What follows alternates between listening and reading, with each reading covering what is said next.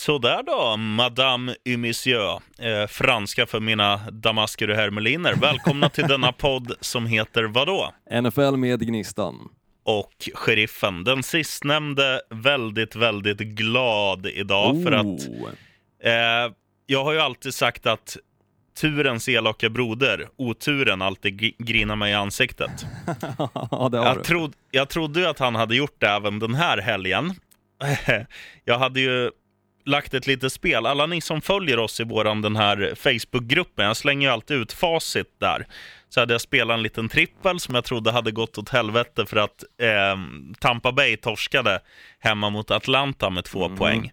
Men då hade jag ju spelat handikapp och det kom jag på i samma sekund som min hund Roger la en krämig pastej på hallmattan, höll jag på att säga, på gräsmattan.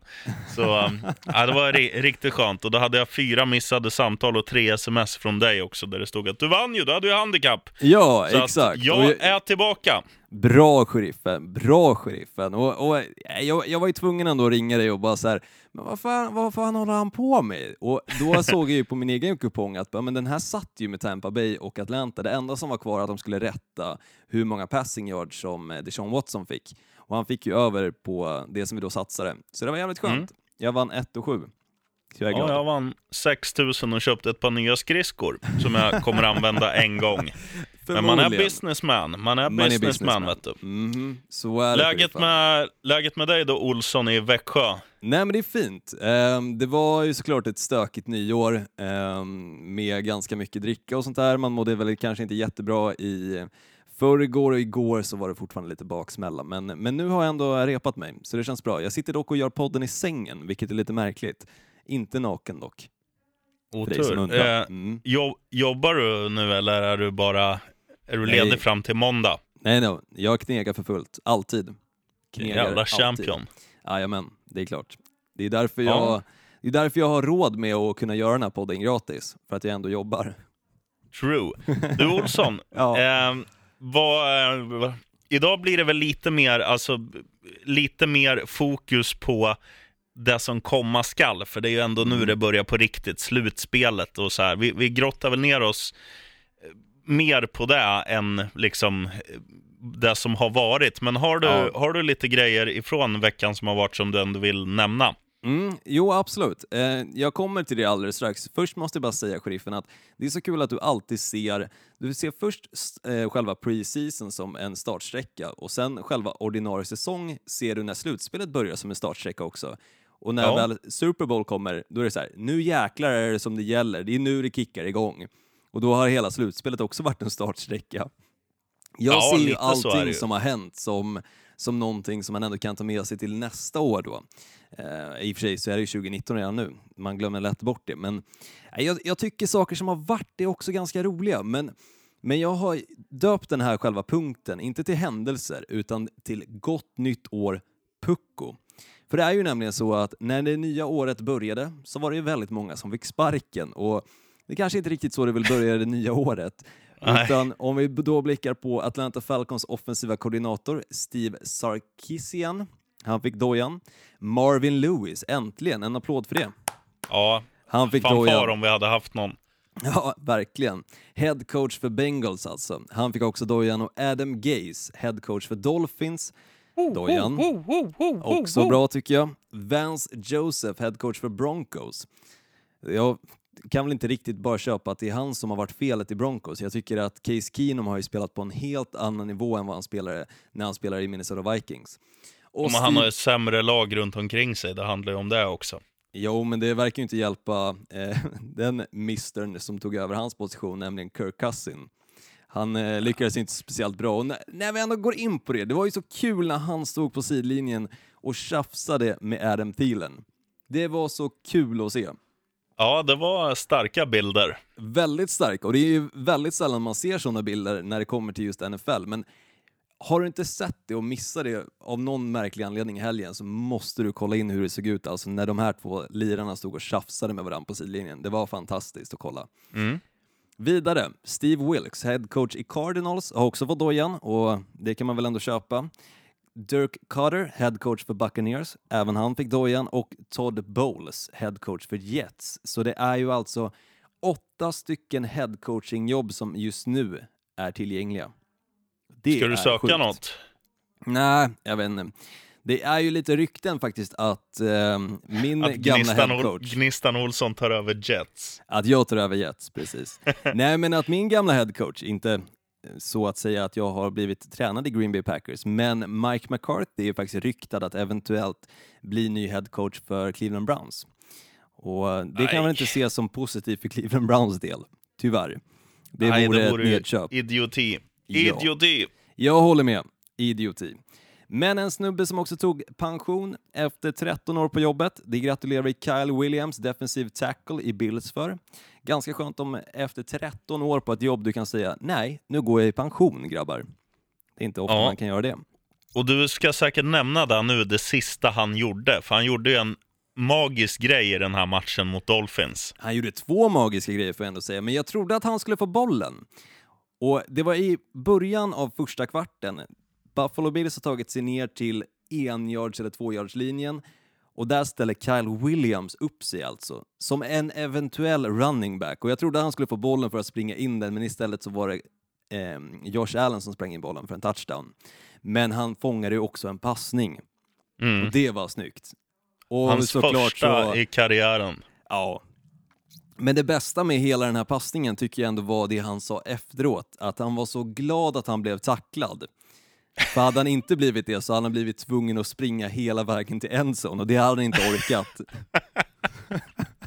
det, Nej, det, den, den är skön. det är sanna ord från en riktig tjockis i NFL. Fy fan. Bara i NFL.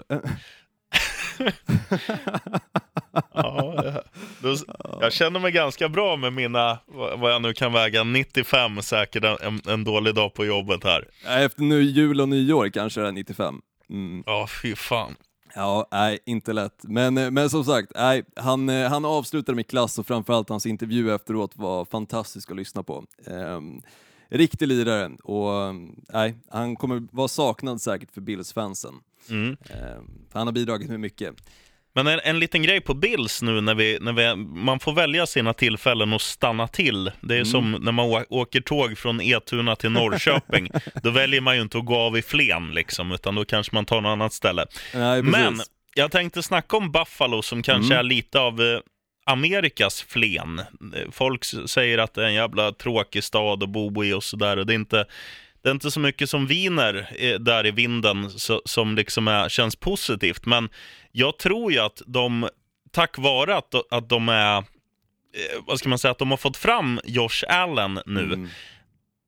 så, så kommer det finnas en väldigt ljus framtid där. Så jag tror att Buffalo kommer vara eh, ett av lagen som nu när, när det börjar bli free agent-marknad och sånt där, att de kommer knyta till sig en hel del bra spelare. Att de blir lite det här poplaget som eh, Cleveland Browns blev under årets sommar. Ja, Jag, jag tror jag att, håller med. eh, Jag tror att det kommer hända grejer där. Ja, och dessutom så är det ju så att de har ju inga direkt jättekontrakt på sina spelare heller. Så de har ju Nej. väldigt mycket cap space att utnyttja, framförallt när det kommer då till free agency. Och jag tror att de kommer se till att utnyttja det verkligen fullt ut, för att det är ju många spelare, bra spelare dessutom, som kommer hamna på free agency-marknaden. Men det kommer vi som, såklart gå in på mer när det väl närmar sig. Ehm, och framförallt då kanske efter Super Bowl, vilka som väl kommer bli free agents och inte signa med sitt nuvarande lag. Ja. Eh, För det finns ju fortfarande chansen att de gör det. Men så man ska när man... inte helt gå ut och säga att de är free agents, så att säga. Nej, nej, nej. Men nu när, man, när vi här om en liten stund kommer snacka om eh, ett ganska få, eh, inte så många lag, utan det, det blir ju mer de som är liksom i slutspel. Jag, jag tycker Mm. ju ändå att Buffalo får ju ändå säga, även fast de har en losing season, att de har förlorat fler matcher än vad de har vunnit, så får ju de ändå vara, vara nöjda med att att de har fått ett kvitto på att det de har gjort nu, att liksom vara dåliga under många, många år har gett resultat för att de har fått fram Josh Allen som kommer Mm. bli en jävligt duktig och viktig QB för det här laget. De har också visat att de kan vinna matcher på olika sätt. Vissa matcher så har de jättebra försvar och nu mot Dolphins här, vad är det de kastar upp på tavlan? 42 eller 44 poäng. Det är liksom, det finns, det finns mycket ljusglimtar som inte har funnits på väldigt länge i Buffalo. Ja, ja verkligen. Och de vann ju ändå sex matcher och det, det tror jag inte man tänkte i början av säsongen när de såg så jäkla svajiga ut. Utan eh, de, de slutade ändå ganska positivt eh, och vann ju sin sista match också mot Miami Dolphins som du var inne på. Eh, och det är ju alltid liksom någonting som man kan bygga vidare på. De har väldigt mycket att bygga vidare på, just Buffalo Bills. Eh, mm. Medan andra lag kanske har väldigt mycket som måste in. Och då pratar jag till exempel om Arizona Cardinals som blev klara också att de kommer drafta first overall. Stämmer. Och det, det kanske inte var helt otippat heller, men de var så sjukt nära på att sumpa chansen att drafta first overall när de nästan vann emot Seattle Seahawks. Och det är sjukt. Ja. Det är liksom så här, lägg er, sluta, vad håller ni på med? Jävla, nej. Jag, och det var så kul också när man satt och kollade på just NFL Red Zone också. För där var ju eh, kommentatorn, eh, nu kommer jag inte ihåg namnet, det kan säkert du sheriffen. På han som kör NFL Red Zone. Ja, uh, Olsson. Scott Hansen någonting, tror jag. Ja, Scott ja. Hansen. Scott Hansen, precis. Han i alla fall var ju lika frustrerad som en själv när, när liksom Arizona Cardinals höll på. Han bara, men vad håller de på med? De har en enda sak som de ser fram emot, det är att drafta first overall och det håller de på att sumpa för att de ska vinna sista matchen. Det, ja, det hade varit dumt. Det hade varit så jäkla korkat, men eh, nej, tur för dem. De eh, torskar matchen, så det var bra. Mm. Lite frågeställningar då, men innan jag går in på dem så vill jag ha introt. Eh, ja, det har vi glömt att skjuta idag. Varsågoda. Ja.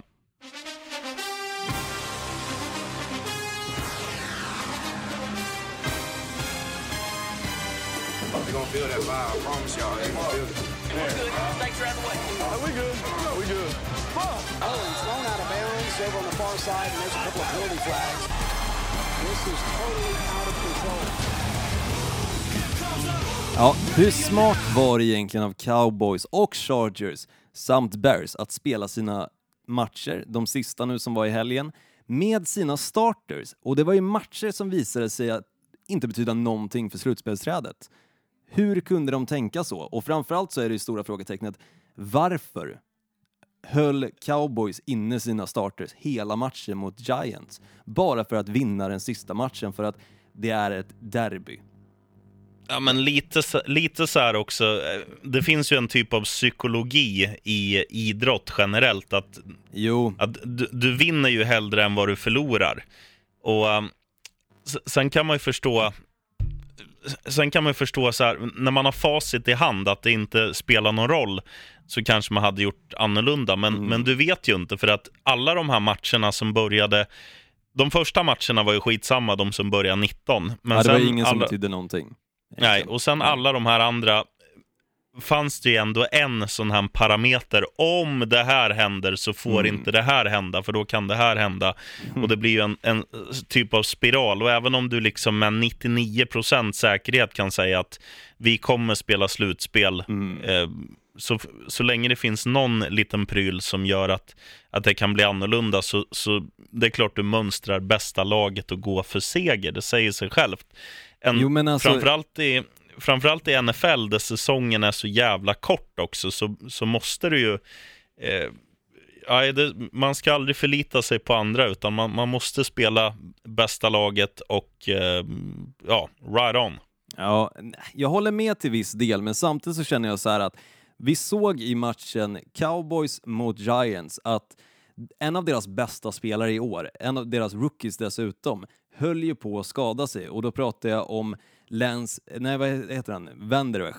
Eh, kommer inte exakt ihåg vad han heter i förnamn i och för sig. Men han i alla fall, han höll ju på att skada sig i den här matchen och det var ju bara jävla tur att han egentligen kunde ställa sig sen på sidlinjen, gå av planen helt självmant. Men det såg ju ut att kunna vara någonting som hade egentligen satt punkt för cowboys eh, slutspel, för att de behöver en spelare som honom i slutspelet för att kunna fixa det mot ett lag som de möter nu i helgen, alltså Seattle Seahawks. Det, det går liksom inte att, att skada spelare bara för att du vill vinna sista matchen mot Giants. Det är helt idiotiskt tycker jag.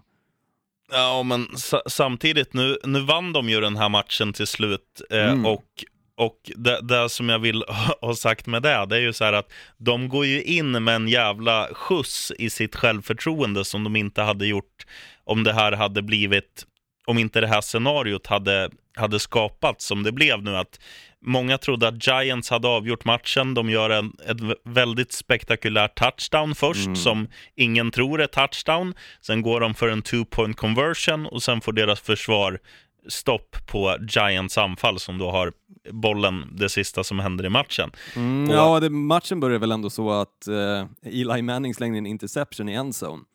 Ja, men inte hur den börjar, hur den slutar, Olsson. Ja, hur den slutade tänkte du. Mm, förlåt. Jag, Eftersom jag att det, det är det som händer, att de, de tror ju...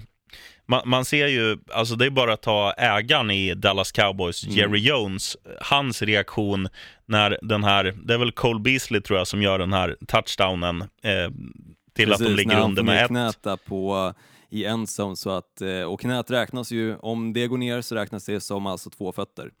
Mm, Ehm. och sen så fixar de en two-point conversion och vinner Mm. matchen på det. Och det jag vill säga med det, det är att den här glädjen som Jerry Jones visar upp, det gör ju att en sån här match betyder någonting. Det är ju liksom inte så här kattskit, utan du spelar inte bara för, för dina egna, alltså vad ska man säga, du spelar inte bara för din egen lön och din egen framtid och så här. Du spelar också för dina fans, Mm. du spelar för dina lagkamrater, för dina, alltså allt sånt där. En vinst bygger så mycket mer självförtroende och du ska få se nu när de går in i slutspel att Dallas kommer fan bli farliga tack vare den här vändningen som, Mm. som de inte hade mäktat med om de inte hade mönstrat bästa möjliga lag. Nu spelade inte Ezekiel Elliott, det vet jag också, men Ja. bortsett från det, bästa möjliga lag. Jo, så är det ju absolut och de går ju in i slutspelet med vind i seglet och det gör ju i och för sig även Seattle Seahawks i och med att de vann nu mot Cardinals och det kanske inte är en jättebedrift i sig men bägge lagen går ju åtminstone in med den sista matchen som vunnen.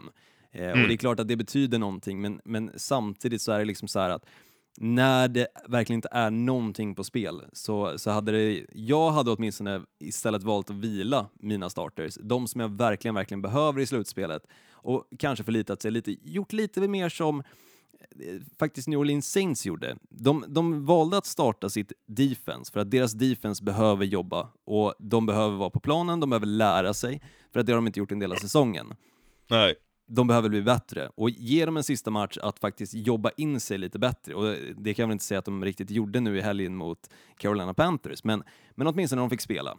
Och det hade jag hellre sett att Cowboys hade gjort då, att de tar de här spelarna som kanske behöver lite mer speltid för att vara helt slutspelsklara istället för att en spelare som Dak Prescott, han behöver inte vara slutspelsklar för han har redan spelat slu två slu slutspel. Det behövs inte. Jo. Jag vet inte. Vi, vi, vi är oense där helt enkelt, sheriffen. Men, men grejen är, så här kan man ju säga också, det, det finns ju spelare som mår bra. Vi vet ju inte det när vi sitter här och spekulerar, men Nej. det kan ju vara så att tränaren har frågat så här, Dak, vill du vila den här matchen eller vill du spela? Då säger han, det är klart jag vill spela. Jag vill, Mm. Jag vill se så att grejerna funkar, så att mina pass counts eh, är i synk med mina wide receivers och allt sånt där. Så att jag tror att säkert många av dem som spelar har fått ett erbjudande eller en fråga och de har gått efter deras Mm. vilja också. Jo, så kan det ju absolut vara. Och, och det kanske är helt rätt. Vi får se helt enkelt i helgen när alltså Cowboys och Seattle Seahawks möts, och det kommer vi definitivt komma in på lite senare också. Men nu när alla lagen är slutspelsklara, vilka kommer vi få se i Super Bowl? Vilka tycker du känns mest Super Bowl-redo idag? Redo. Redo. Eh, Det är alltid svårt att säga Super Bowl och redo. ja, det, blir, det är jävligt fult. Nej, men tittar man från AFC så är det ju, det är ju två lag det står med. Det är ju, Mm. det är ju tyvärr Patriots för att de har så, så mycket Rutin. äcklig ru- rutin. Mm. Och sen är det ju Chiefs för att de är så fruktansvärt bra offensivt och kan vinna matcher tack vare det. Mm. Eh, tittar man bland de andra skräplagen, eh, eller andra skräplagen, men NFC, det är väl, ja, jag skulle väl säga att det står mellan Saints, Rams och Bears där. Mm. Jag, jag håller faktiskt med dig och, och lite är det om man blickar tillbaka på just helgens matcher. Just att Seattle Seahawks hade det ändå svårt mot ett lag som Arizona Cardinals. Nu har jag i och för sig varit inne på det tidigare också att när det väl kommer till de sista matcherna så är det ofta lag som kanske inte har spelat jättebra under säsongen som helt plötsligt levererar på toppnivå för att de har jobbat in sig. De har lyckats liksom hitta en rytm som de inte haft i början av säsongen just i slutet, slutskedet av ehm, säsongen då. Mm. Men, men jag ser inte det det här som kanske behövs från Seattle Seahawks för att lyckas ta sig till slutspel. Och jag ser att det ska vara för mycket flyt för att Philadelphia Eagles också ska lyckas. Och Dallas Cowboys räknar jag faktiskt ut för att de nästan 90% av gångerna som de hamnar i slutspel chokar. Men om man tittar på AFC så tycker jag faktiskt att det är lite öppnare. Just i och med att Indianapolis Colts, de har en formtopp just nu som heter duga. Ja, Houston Texans kanske inte samma, men Chargers tror jag bara på vilja kan ta sig till Super Bowl och faktiskt kanske briljera och spöa Patriots om de nu lyckas vinna mot eh, Baltimore Ravens i helgen. Och Baltimore Ravens, bara gå in på dem. De har ju haft jävla succématcher på slutet och vunnit mot Chargers, nästan vann mot Chiefs. Det är också ett skitfarligt lag, så jag tycker, nej, jag, jag tycker ändå det är lite svårare faktiskt att syna exakt vilka som går till slutspel, vilket är också roligt för att... Äh, slutspelet är ju redan Eller, klart, ja, Olsson. Super Bowl menar jag såklart. vilka som går till Super Bowl, för att andra, andra säsonger så tycker jag att det har varit mer solklart. Man har kunnat se liksom, det här laget är det bästa laget i AFC, det här är det bästa i NFC. De kommer att gå till, sluts eller till Super Bowl. Men, men nu tycker jag att det är svårare att just se det här specifika laget. Visst, du säger Chiefs och jag håller med dig, de är riktigt vassa, men de har ändå visat att de är inte odödliga. Det går att stoppa dem. Och Vi ska det... nämna det, man kan fläska ut, eh, fläska ut, men nämna det att Chiefs eh, har ju alltså i en eventuell eh, så länge de inte möter Chargers så har ju de hemmaplansfördel. Eller Nej, de, de, har, mot alla de har hemmaplansfördel lag, mot alla, för de är first, ja, first seedade. Um, så, så det enda laget som, ja, när de är väl kommer inte spela hemmaplan, det är ju i Super Bowl. Eh, mm. Och samma sak gäller ju Saints. Saints också, genom hela slutspelet har de hemmaplansfördel. Ja, ehm. det har du rätt i. Men då säger jag, om jag ska ge dig ett tips nu vilka som spelar Super Bowl, så mm. säger jag Kansas City Chiefs mot Chicago Bears. Det är en spännande Super Bowl, för det är offense mot defense. Mm. Och det, det såg vi till exempel när Baltimore Ravens mötte Chiefs, att det är tufft för Chiefs när de möter ja, ja. ett riktigt bra defense. Och då tror jag faktiskt att Chicago Bears kan vinna den matchen och bli Super Bowl-mästare. Mm, du svävar iväg, Olsson. Jag vet, jag vet. Men jag gillar att sväva iväg. Och man får sväva iväg, tycker jag, när det just kommer till Super Bowl och slutspel. Det är då man om ska sväva ta, iväg. Om du bara får ta en... Eh, eh, om du bara får ta två lag som möts där, vilka två tar du då, då så du inte tar alla 13? Okej, okay, vilka lag som kommer mötas i Super Bowl? Nej, men jag, jag säger, jag kommer köra på en skräll. Jag säger att Ravens kommer spela Super Bowl och de kommer möta Bears och det kommer bli en riktigt jäkla tråkig Super Bowl för att det kommer bli poängsnålt utav helvete. Jag tror att den matchen i så fall kommer sluta 13-7. Där har vi det. Mm. Poängsnål, men mycket spänning just av att försvaren kommer briljera. Mm. Ja, snyggt. Ska vi gå in på rookie-kollen eller vad säger du? Kör! Får jag en liten ljudeffekt på det? Um... Thank you. På tredjeplatsen, Darius Leonard, linebacker i Indianapolis Colts. Och han är ju med i slutspelet. Åtta tacklingar hade han och en interception i matchen som gällde vinna eller försvinna. Nu var det i och för sig så att Tennessee Titans ställde ju inte upp med Marcus Mariota som quarterback, utan de hade istället Blaine Gabbert, deras backup, vilket såklart gav ju Indianapolis Colts lite matchen, för att när du går in i en så viktig match, det är vinna eller försvinna, så, så kan du inte ställa upp med en backup. Och de hade ju inget val, tyvärr. Men Darius Leonard i alla fall satte lite spiken i kistan med sin interception, och det tycker jag är snyggt. Och därför hamnar han med på rookie-kollen. Mm -hmm. På då andra plats, Lamar Jackson såklart.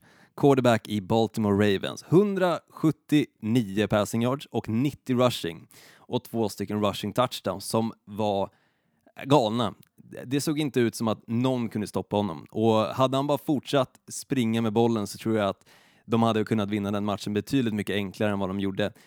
Och fan, den matchen var jobbig att kolla på för min del. Som du vet, sheriffen, jag måste ju tatuera in Cleveland Browns logga nu. Den mm. är jobbig. Men eh, det, det är ju ändå mer okej okay att tatuera en Cleveland Browns nu med tanke på hur deras framtid ser ut kontra lager du faktiskt håller på. Vilket jävla skräplag. 0-31 gångna oh, veckan mot Detroit Lions. 0-31 på hemmaplan. Jag hade tagit upp det där, sheriffen. Jag var tvungen nu när, ja, du, när du flög iväg så långt. Men vet du vad det jobbigaste var? Alltså, du som satt och kollade på Cleveland Browns mot Baltimore Ravens såg ju hur jäkla nära det var att Cleveland Browns kunde vinna den där matchen. Och hade de gjort det, sheriffen, hade de gjort det, så hade mm. jag inte bara sluppit att tatuera in deras logga, utan jag hade vunnit 8000 papp också. Den är seg. Den är riktigt seg. Jag hade fått in alla andra matcher. Jag hade satsat på Chicago Bears, jag hade satsat på Dallas Cowboys. Tre gånger pengarna på bägge de matcherna. Jag hade bara Cleveland Browns kvar att vinna. Två poäng. Och de var så jäkla nära att få... Ah! Jävla sopor. Ja, det kommer nu istället, Olsson. Ja. Med tatueringen då, tänker du? ja, snart vänder det. Snart vänder det. Jag måste dock säga just med Lamar Jackson, han har ju inte eliminerat sina misstag och det kan vara det som Baltimore Ravens kommer falla på i slutspelet. För han hade två fumbles varav en förlorade i den här matchen och vi har ju sett under matcherna som han har spelat att han har ganska mycket misstag och ganska mycket att jobba på. Men han spelar ändå på en riktigt bra nivå. Tycker jag. Mm. Och första platsen då, vem kan du gissa att det, den hamnar till? Jag är din kompis igen i New York motherfucking Giants. Nej, det är inte det. För det Nej. var en spelare som totalt briljerade gångna helgen och han gjorde det mot ditt lag, sheriffen. Jag snackar om Josh Allen, quarterback ja, i Buffalo ja, ja. Bills. 224 passing yards, 95 rushing yards och tre stycken passing touchdowns och två mm. insprungna touchdowns. Det är ju det är helt sjukt. Och det här är en snubbe som vi egentligen i början av säsongen knappt pratar om. Men jag plötsligt nu i slutskedet så har han visat upp sig att vara alltså den perfekta spelaren för Buffalo Bills. Och precis som du säger, deras framtid ser jäkligt ljus ut nu när de har Josh Allen som quarterback. Men vet du vad det är lite också? Det, det är så här, om, du tittar på honom eh, kontra din kompis Aaron Rodgers, det som mm. händer i det som har hänt i fallet Josh Allen, det är att han märker så här att okej, okay, om jag utnyttjar att jag är rörlig så, så mynnar det ut i att jag själv kan springa in med bollen eller att jag får lite fri väg så jag kan passa bollen till någon. Eh, han, har ju precis, han har ju varit lite som en kalv som går ut på gräs och tänker, vågar jag äta det här? Jag måste kolla med morsan först. Okej, okay, jag, jag, får, alltså morsan, mm. coachen, får jag springa? Och sen tittar man på din gamla kompis som, som har varit liksom en av de bästa. Han är ju typ sämst i ligan nu för att han vågar ju inte utnyttja det han har varit bra på. Utan han, st han, står där och tittar och jag har ingen att passa och gnäller och blir tacklad och får skruvar i axeln och så här. Mm. Det, nej, Josh Allen is here to stay. Ja, men jag tror och, också det. Men... Bye bye Roger.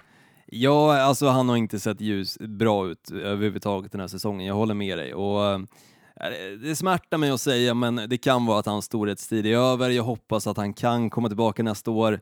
Men så som det såg ut i år, nej. Det, nej, jag vet inte ens vad jag ska säga längre. Jag... Åkte du in i en tunnel nu Olsson? Jävla knackig mottagning. Men det är skönt, då kan vi prata om något annat istället. Ja, ska vi gå in på det som kommer nu i helgen då? Det är ju match lördag, först och mm. främst. Två matcher på lördag, eller ja, tekniskt sett är det egentligen tre matcher på söndag och en på lördag om man tittar på just tiderna. Men USA ser det som att det är match på lördag. Så vi säger också att det är två matcher på lördag. Ena är Houston Texans mot Indianapolis Colts och den andra är Dallas Cowboys mot Seattle Seahawks. Vi börjar med den förstnämnda. Vad säger du där, sheriffen? Houston Texans, Indianapolis Colts. Jag ser ju ett scenario framför mig där det, där det kommer bli eh, det, det, kan bli en väldigt svängig match. Jag tror att mm. Houston mm. kommer, kommer öppna ganska starkt, men jag tror att Indianapolis Colts kommer äta sig in i matchen. Och jag, om jag skulle få välja en QB som jag helst skulle vilja ha när det ska avgöras, då tar jag ju hellre Andrew Luck än Deshaun Watson.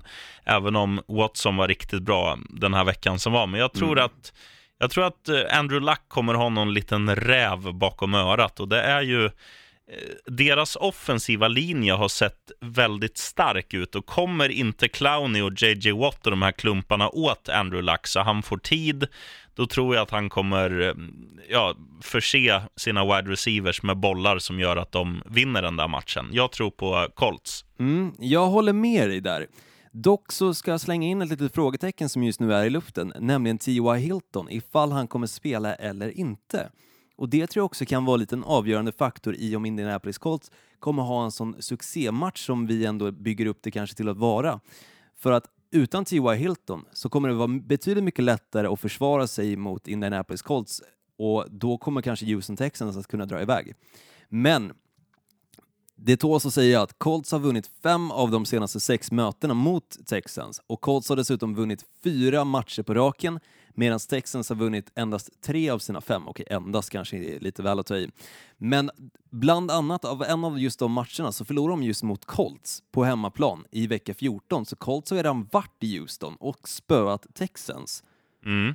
Så jag tror att Indianapolis Colts kommer åka dit och säga grabbar, vi gjorde det en gång. Och det var dessutom, jag har för mig att det var när Houston Texans hade vunnit nio raka matcher och så kom Indianapolis Colts dit och satte punkt för det. Stämmer, stämmer. Vilket innebär att de såklart kommer säga, om vi lyckades spöa dem när de hade vunnit nio raka matcher grabbar, så är det väl fan klart att vi kommer kunna spöa dem nu också, när de endast har en vinst i bagaget de senaste, ja, två matcherna då. För att de förlorade mot Eagles eh, för två veckor sedan. Olsson, fokus på det vi pratar om. Ja, ja, behöver inte dra förlåt. hela spelschemat. Nej, nej, nej, nej. Men nej, jag, jag tror faktiskt att Colts kommer fixa det här och jag tror att Darius Leonard, som jag har nämnt så många gånger den här säsongen, kommer vara en avgörande faktor för att jag tror att han kommer någon gång under matchen antingen fånga en interception eller fixa en fumble, eh, fumble eh, då till Mm. sig själv, eller Colts. Ja, så jag tror att Colts vinner den här matchen och Colts är dessutom underdogs, men det är såklart för att de spelar ju bortaplan. Mm. Eh, Så Houston är hemmaplan. Då till den andra matchen, sheriffen. Dallas Ja. Cowboys mot Seattle Seahawks börjar alltså 02.15 och det här är ju lördag till söndag så det är fullt rimligt att sitta uppe och kolla på den här matchen. Det går. Mm. Det här är ju två lag som man på förhand inte ens såg i slutspelet, men de har ju verkligen kommit igång. Alltså från att halva säsongen var spelad fram till nu så har ju de här båda gjort det ruskigt, ruskigt bra. Sen är väl jag, jag är ju mer imponerad av Seattle som jag tycker har Mm. ett sämre lag på pappret.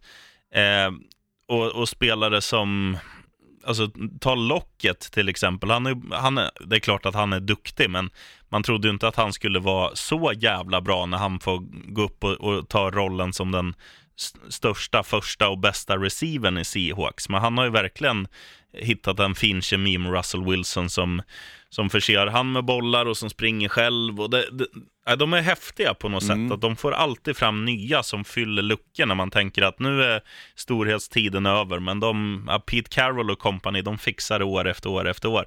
Tittar man på Dallas istället så, så tycker jag att eh, det som fascinerar mig med det laget är att de är så jävla Dr. Jekyll och Mr. Hyde. De kan spöa vilket lag som helst, men de kan också förlora hemma mot Arizona eller något annat, Green Bay Packers eller något Ja, annat eller, eller bli nollade mot Indianapolis Colts som de också blev. Det går också. Ja. Och det är helt Det sjukt. finns liksom ingen röd tråd i, i det där. Och är jättesvårt att se. Det här, kom, det här är den mest svårtippade matchen tycker jag på förhand. Men eh, Nej, jag tycker inte det. Jag tycker inte det. Får jag, får Vad jag lägga in ett ord då? Ja, jo. du får ta över hur mycket Ja, du vill. ja, tack, tack, tack. Men jag ser så här. Indianapolis Colts, vad har de varit väldigt starka på i år? Inte bara deras offensiva linje, utan någonting annat också. Sheriffen. Nu ska du inte snacka om Colts här. Nej, men jag, jag vill bara liksom bygga upp det här lite så att folk verkligen förstår vad jag menar. Vad har Colts varit duktiga på den här säsongen? Deras att, försvar. inte, att inte bli nedtacklade. Men deras försvar har varit duktiga den här säsongen. Riktigt duktiga. Och vad har Seattle Seahawks alltid? Ett försvar. De har ett försvar som kan stoppa upp lag. Och de har ett försvar som kan ge Russell Wilson chansen att hänga med i matcher. Och om det är någonting som Dallas Cowboys tycks ha det svårt för så är det lag med ett bra försvar. Och jag skulle inte säga att Seattle Seahawks har det absolut bästa försvaret eller någonstans i närheten av det bästa försvaret, men de har åtminstone ett försvar som hela tiden låter Russell Wilson och anfallet vara med i matchen. Och det har vi sett till exempel mot lag som Los Angeles Rams, som två gånger de var nära att besegra. Jag tror att det kommer bli en ganska tuff match för Dallas Cowboys, även om de spelar hemma, och jag tror att Seattle Seahawks kommer vinna den här matchen. Jag tror dock att det Mm. kommer vara en rätt poängrik match. Jag tror inte att Dallas kommer vara helt nedstängda. Men jag tror, nej, jag, jag ser Seattle Seahawks som det betydligt mycket vassare kortet än vad jag ser Dallas som. Där har du. Mm. Snyggt. Och då går vi vidare till söndagsmatcherna. Och vi börjar med den som börjar 19.05, vilket är jävligt udda tid, för de brukar ju alltid börja 19.00. Men den här av någon anledning börjar 19.05 och det är Baltimore Ravens mot Los Angeles Chargers. Ett återmöte med andra ord.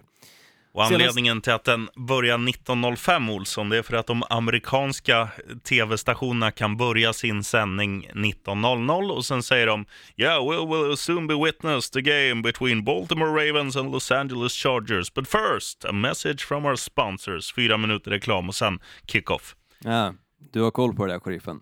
Ja, det, det, handlar om, det handlar om business, vet du. Det är samma med. NHL-matcherna. Sånt som du och, du och jag aldrig kommer få, reklampengar.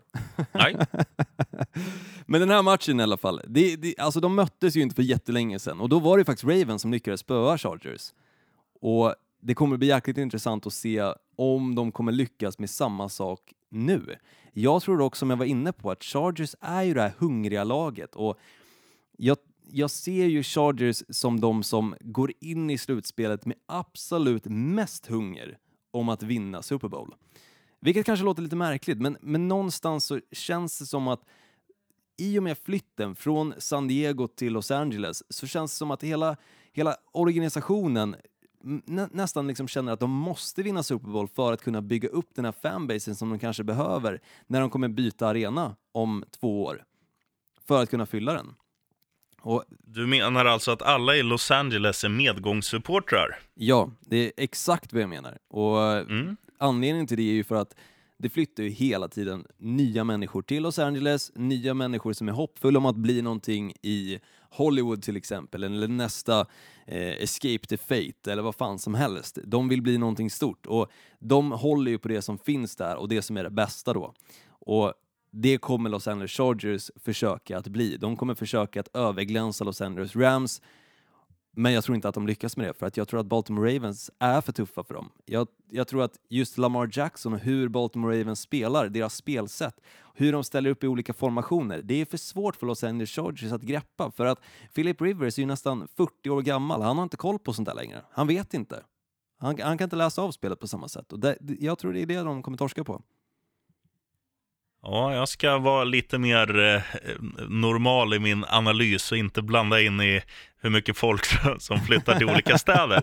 Men om, om man säger så här, Baltimore Ravens, deras försvar är snuskigt jävla bra. Ja. Eh, Los Angeles Chargers har... Alltså, Philip Rivers föredrar ju ett, ett passningsspel och det är Mm. det som Baltimore Ravens vill egentligen. De, de gillar att, att försvaret gör poäng genom pick six och, och massa sådana där grejer. Eh, tittar man på om Chargers istället skulle använda mer springspel så har ju Melvin Gordon varit ganska mycket skadad i år. Så att eh, jag tror inte att de vågar lägga eller ge han för mycket boll i händerna för att riskera ehm, även om det- kan vara sista matchen och sådär. Så, ja, men du vet. Jag Mm. tror ju att, att det mesta talar för Baltimore. Eh, sen spelar de också hemma. Och eh, även om Lamar Jackson är lite valpig, i, framförallt i si, sina eh, val av read options, att ska jag gå dit, ska jag gå dit, ska jag passa, ska jag springa, så tror jag att han kommer få lite mer, alltså hårdare tyglar att så här att om det här scenariot inträffar, släng ut bolljäveln över sidan istället för att riskera att, att vi blir av med den. Att han kommer, de kommer spela lite mer, eh, vad ska man säga, safety first eh, Mm. mentalitet, minimera misstagen, men de har ändå hans fötter som är så jävla vassa när han kommer igång och det här försvaret och hemmaplan. Baltimore vinner, bam! Ja, men jag tror också det. Och bara liksom dra en liten snabb grej om nu när vi ändå pratar lite quarterbacks och misstag och så. Philip Rivers förra veckan, nu i helgen alltså, han klev ju in i den här matchen mot Denver Broncos och man tänkte att det här kommer bli en total slakt av Denver. Och visst, Mm. på sätt och vis blev det det för de vann 23-9, men samtidigt så slängde han endast en interception och två styck, eller en touchdown och två stycken interceptions. Så det är fan värdelöst när du då ska gå från sista matchen och ha lite självkänsla och gå in i slutspelet. Det är inte så du gör det. Och matchen innan det, vet du vad han hade då? Ja, två, tre då? Nej, han hade två interceptions, noll touchdowns och endast 181 passing yards. Så de mm. senaste två veckorna har Philip Rivers sett riktigt risig ut. Och bortser man från det så har hans säsong, säsong varit jättebra och Los Angeles Chargers har sett jätteduktiga ut. Men, men just när han ändå möter lag som har bra försvar så ser det inte lika bra ut. Och som sagt, jag tror det blir ganska enkel seger ändå för Baltimore Ravens faktiskt. Det mm. tror jag. Och från ett försvar då till ett annat. Chicago Bears möter Philadelphia Eagles. 22.40 börjar den matchen. Säkert samma anledning som du var inne på tidigare, sheriffen, att de vill slänga in lite extra reklam och sånt där. Därför börjar den 22.40. Så de har 20 minuter reklam, helt plötsligt. ja. You never Nej, så, know. Så när, jag tror det är så här också, de, de brukar ju börja 19.05 och sen 22 20, 22, 25 där. Nu tror mm. jag att den här extra kvarten har man lagt till så att matcherna inte ska krocka. Mm, För att såklart. det brukar det, vara en övergångs... Över, eh, övertid till exempel så, eh, så kan det vara schysst att faktiskt alla som vill se matcherna kan se alla matcher. Så. Ja, och, och, här är det ju inget snack. Det är ett lag som imponerar på mig veck vecka efter vecka efter vecka. Det är deras försvar som har visat vägen, men sen tycker jag också att Mitchell Trubisky visar att han är en jävla duktig quarterback och att det här eh, den lekfullheten som finns i deras offensiv också mm. är ja, men lite som vi snackade om Tennessee Titans för ett par år sedan. Att det, det känns som att det har inpräntats nu i, i Chicago Bears. Att det finns en, en lekfullhet no, någon typ av uppfinningsrikedom, spänning, vad ska de hitta på? De, de gör mycket roliga grejer och mm, jag tycker det är kul att det funkar. Så att eh, årets, nu möter de ju Philadelphia som vann Super Bowl i fjol, eh, det kommer alla ihåg. Men tittar man på vad de har mäktat med i år, det är fan ingenting. De har haft lite, lite flyt och vunnit rätt matcher så att den här, vad ska man säga, kniven mot strupen har infunnit sig vid ett passande skede när de har spelat matcher så här och jaha, vi har en chans att ta oss till slutspel om vi vinner fem raka eller vinner sex av sju eller så här och sen, sen har de gjort det, men nu har de nu har de nått ett mål som, som visar att den här säsongen inte var en ren piss i sjön, utan de har ändå, de har ändå tagit sig till slutspel. Det kan man vara man kan se det som en okej okay säsong. Mm, absolut. Eh, mm. Och nu är det målet fixat, nu finns det ingenting, liksom, alltså jag, jag, jag förstår inte hur Eagles ens är i slutspel, så dåliga har de sett ut i år. Eh, och Chicago tvärtom, fan vad mm. bra de har sett ut. Kul för dem också att de eh, hade eh, både ett och två skitlag bakom sig i sin eh, division. Ja, jag förstår i och för sig. Du pratar om Minnesota Vikings och Detroit Lions. Ja, men det är bra, ja. Då går jag över då. Mm. Eh, Chicago Bears, det är klart som fan att de vinner den här matchen. De, alltså 12-4 record, alltså det är sjukt. Det är ingen som hade kunnat tänka sig det innan säsongen drog igång. Och Nej. de fyra senaste matcherna nu har de vunnit och alltså de går från klarhet till klarhet till klarhet. Alltså det är helt sjukt att kolla på det här laget. Det är galet. Och just att de också ställer upp med bra jävla lag mot Minnesota Vikings bara för att fuck you guys, vi kommer inte mm. släppa mm. in er i slutspelet. Inte en chans i världen och vi kommer köra över er. Vi kommer se till så att Adam Thielen och eran 82 miljoners quarterback står på sidlinjen och tjafsar på bästa sändningstid. Det är vad vi kommer göra. Och jag tror att de kommer totalt köra över Philadelphia Eagles, för att Philadelphia Eagles, nej, de har ingenting där att göra. Det har däremot Chicago Bears. Såklart de vinner. Mm. Där har du. Där är slutspel Bra. vecka ett, alltså wildcard-rundan. Och jag gillar wildcard-rundan. Jag gillar det, för ja. det, det, finns så mycket hopp i wildcard-rundan. Åh! Och jag är glad att vi är överens, så att då kan vi spela Colts, Ravens och Bears då som vår lilla gemensamma trippel, kan alla ta rygg på. Mm.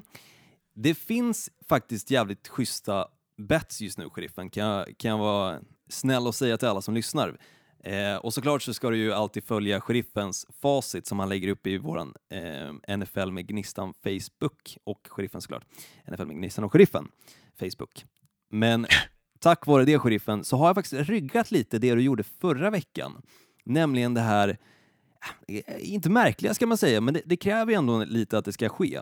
Just de här matchvinnare och totalt antal poäng, alltså man lägger över eller någonting. Och det finns ju då handikapp också. Men det finns några rätt schyssta och jag har en som jag faktiskt kan droppa här. Nämligen att Indianapolis Colts vinner och det är över 49,5 poäng. Det ger 3,75 gånger pengarna. Ja, den känns ju inte omöjlig. Och Dallas Cowboys Seattle Seahawks, där vinner Seattle Seahawks och det är 42,5, alltså över poäng i den matchen och det ger 3,85 gånger pengarna. Och sen slänger du in att det blir över 41,5 poäng mellan Baltimore Ravens och Los Angeles Chargers. Just för att det är slutspel så tror jag inte att Chargers kommer vara helt överkörda, utan jag tror ändå att det kommer vara en ganska spännande match. Och det Mm. ger fem papp om du satsar rätt. En det är schysst. hundring. En hundring. Ja, det är en bra trippel. Bra Det är en bra. Olsson. Den kan man inte klaga på. Men som sagt, för dig som verkligen vill vinna stålar, lyssna inte på mig. Jag släpper garden och säger att jag är inte bäst på betta, utan det är sheriffen Larsson. Han är facit. Så när han väl kommer slänga upp hans lilla facit i gruppen, följ den bara. Så vinner du också pengar. Precis som Ja, vad- jag gjorde i helgen. Jag har vunnit två av 16 veckor, Olsson, så så jävla bra är jag inte. Men, när den väl sitter så får man ju jubla. Men nu, nu får du ju bara liksom ta åt dig sheriffen. Nu här, här håsar jag upp det liksom som eh, den mästaren inom betting. Då måste du bara ta åt dig och säga Jajamän, det är jag det. Mm, ja, vi låtsas. Jajamän, det gör Sluta det. vara så svennebanan av dig och eh, vad heter det? Ehm, vad fan heter det? När, när man inte får håsa upp sig allt för mycket. Mm. Ja, men jag kan säga så här, Jantelagen, jag, jantelagen varit var det jag väldigt- var ute efter.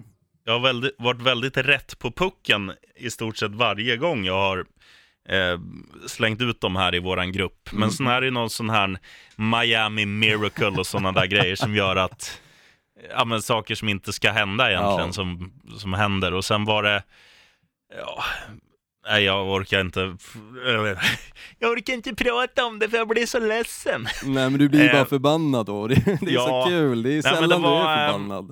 Ja, vad fan var det? det? Jo, det var ju här också, jag hade spelat Jared Goff nu i helgen, att han Mm. skulle passa för över 220 yards eller något sånt där. Sen passar han för 200. Och sen eh, gör han också då sin fjärde touchdown och då tänker tränaren så, nu har han gjort passat för fyra touchdowns, han behöver inte spela mer, han kan gå och duscha. Hade han liksom passat en gång till så hade ju det där spelet suttit också. Då Ja. hade det varit 3600 in, bam, och man hade varit lycklig. Men nu är, nu är jag bara lite lycklig ändå. Mm. Och, skitsamma. Men Olsson, Mm. Ehm. Får jag bara säga en sak när du är ändå inne på det här liksom med hur nära man kan vara. Som jag nämnde det där med Cleveland Browns, Baltimore Ravens. Alltså, Mm. Innan jag la bettet på Cleveland så var jag så sjukt nära på att lägga ett plushandikapp på 2,5 på dem. Alltså att de kunde förlora matchen med 2,5 poäng. Vilket då hade gett mig såklart pengar för att de förlorade endast med 2 poäng. Men bara för att jag kände att nej, jag måste tro på dem helhjärtat. Om jag liksom inte vill känna redan nu att jag ska tatuera in Cleveland Browns-loggan. Så jag sket i det och la istället på en straight up vinst och det var det jag förlorade på. Jag hade lite för mycket tro på Cleveland. Tråkigt. mm. Sånt som händer. fick han. Tjej fick jag. Jajamän. Vad tänkte du säga, sheriffen?